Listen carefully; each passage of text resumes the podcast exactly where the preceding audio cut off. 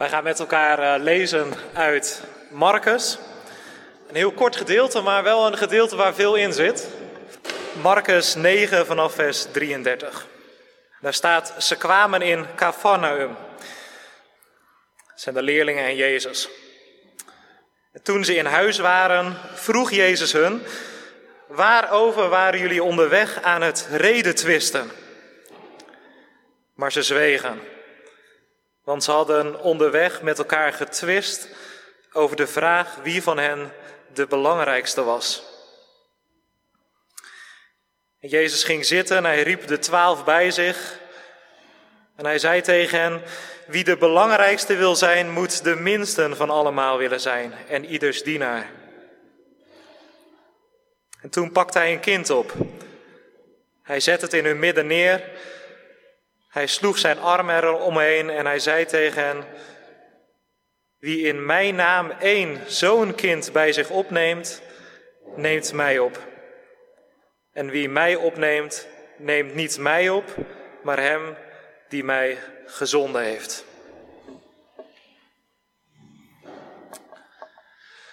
Lieve zus en broer in onze Heer Jezus. Wie van jullie heeft er wel eens gehoord van graffiti-kunstenaar Banksy? Hij was gisteren nog in het nieuws. Toevallig, maar toen was de prekel af. Uh, nou, voor degenen die Banksy niet kennen. Banksy probeert op plekken waar ruzie is over ongemakkelijke onderwerpen. mensen door middel van kunst er anders naar te laten kijken. Knap als je dat kan. En een van de mooiste kunstwerken van Banksy vind ik de tekening achter mij.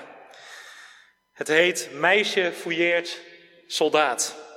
En je kunt het vinden in Bethlehem.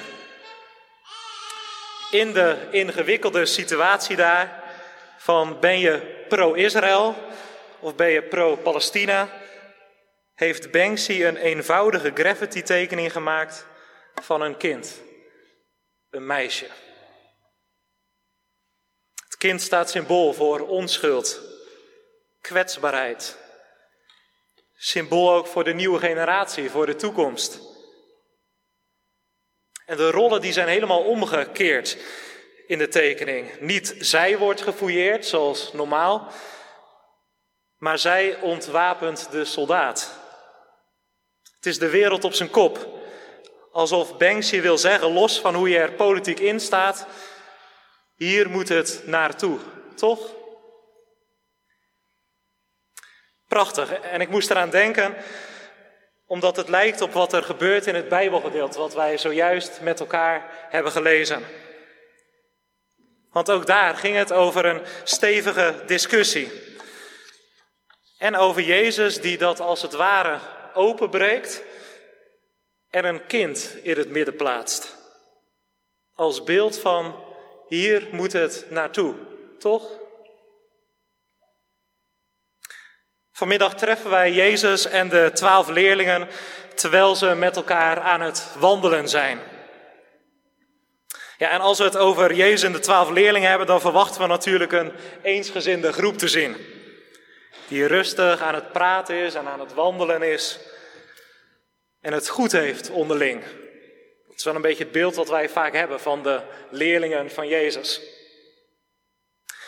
Maar verrassend gezien zien we vandaag het tegenovergestelde.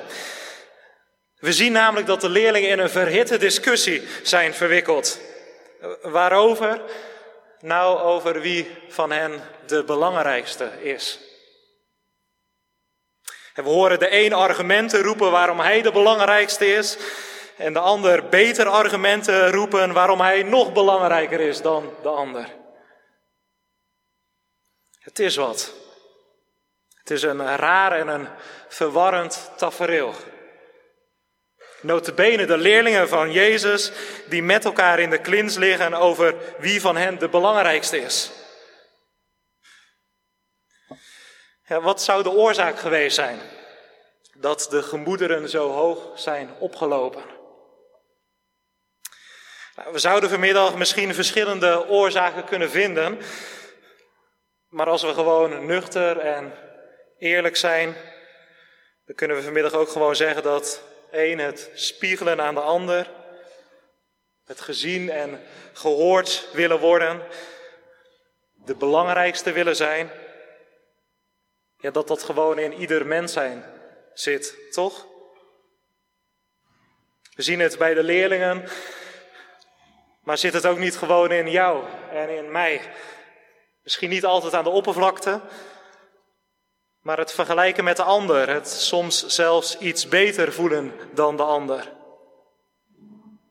Ja, de discussie die de leerlingen voeren zit volgens mij in ieder mens. Het is trouwens typisch en ook wel confronterend dat Jezus al die tijd gewoon oploopt met zijn leerlingen. Terwijl zij hart tegen hart aan het discussiëren zijn, loopt Jezus gewoon met hen op. Zouden zij het in het heetst van de discussie niet meer hebben opgemerkt dat Jezus er ook nog was? Dat hij gewoon met hen opliep?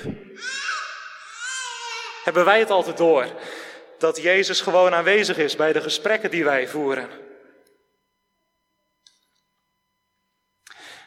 Nou, na een tijdje fel discussiëren en lopen komen de leerlingen en Jezus in Capernaum aan. Thuis, want dat was Capernaum. Een plek van thuiskomen. Jezus had er voor zijn bediening al een aantal jaren gewoond en ook Petrus' familie woonde er. Maar het comfortabele thuiskomen, dat moet toch echt even wachten. Want Jezus wil eerst een gesprek over wat er zojuist is voorgevallen. En hij vraagt het op de man af. Hé, hey, vertel eens.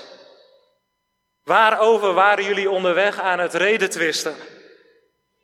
Vertel eens, welk onderwerp was het zo waard om er zo een verhitte discussie over te hebben? Het is een goede vraag die Jezus stelt. En misschien moeten wij deze vraag daarom vanmiddag ook maar eens aan onszelf stellen.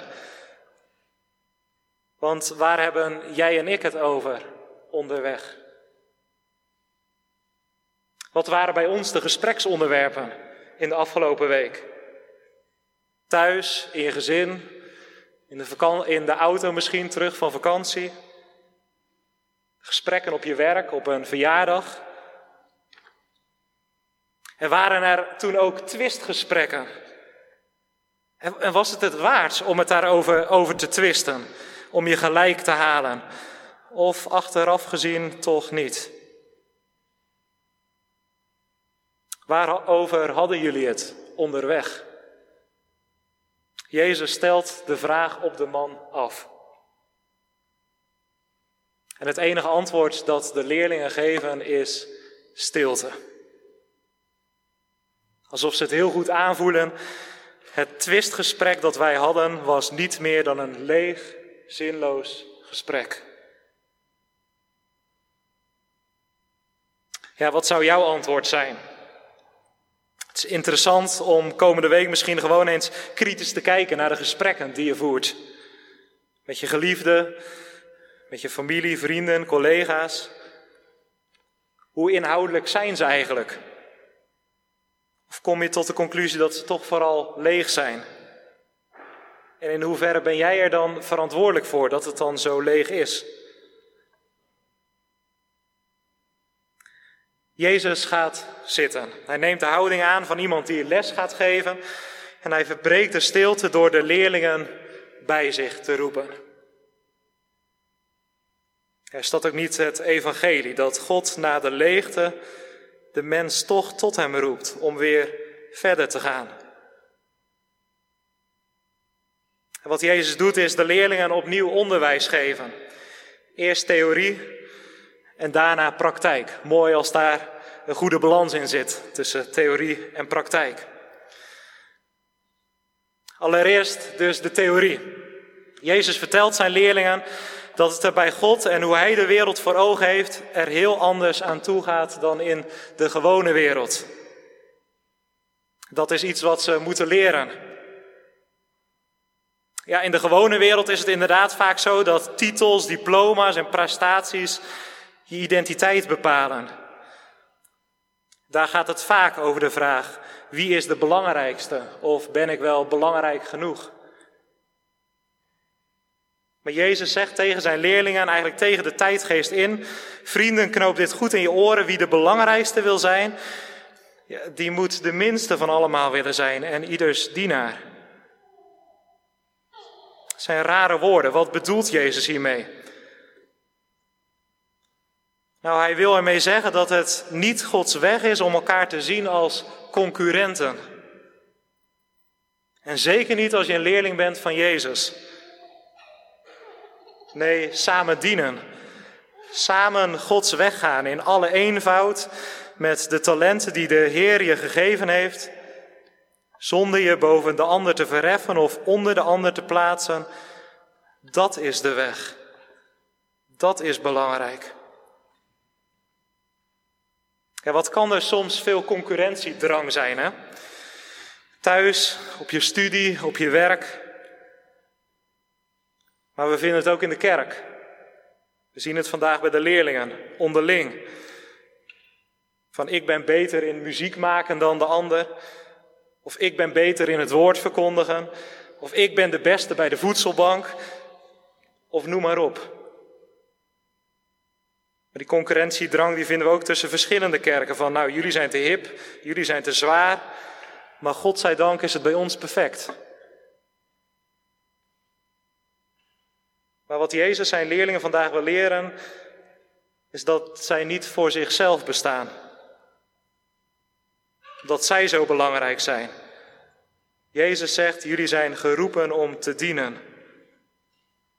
Om dienstbaar te zijn aan God en mensen. Dat is belangrijk. Tot zover de theorie en dan komt de praktijk. Wat Jezus dan doet, is een kind in het midden plaatsen.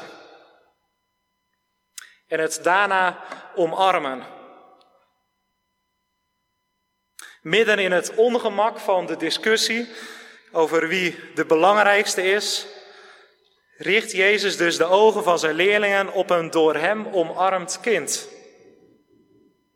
Een kind dat symbool staat voor kwetsbaarheid.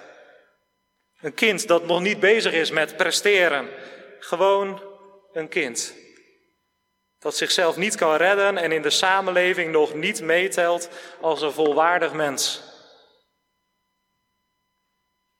Dat is natuurlijk al een les op zich. Het is alsof Jezus er al mee wil zeggen, ja, in de gewone samenleving word je pas omarmd als je gepresteerd hebt. Als je hebt bewezen om belangrijk te zijn. Maar weet je, zo werkt het niet bij mij. Ik omarm mensen al voordat ze iets gepresteerd hebben. Niet in een carrière of de belangrijkste zijn ligt je identiteit als mijn leerling, als je mijn leerling bent. Nee, in het weten dat je een kind bent van de Vader. En in het weten dat je door mij omarmd bent. Jezus die verbindt aan dat praktijkonderwijs ook meteen een opdracht. Hij zegt, zoals ik dit kind in het midden nu omarm, zo wil ik dat jullie ook in het leven staan. Want daar waar je het kwetsbare omarmt in mijn naam, omarm je mij en de Vader die mij gezonden heeft. Ja, tot slot zou ik eigenlijk jullie allen drie nadenkers willen meegeven. Gewoon om de komende week, straks bij de soep en brood, nog even over door te praten, over door te denken.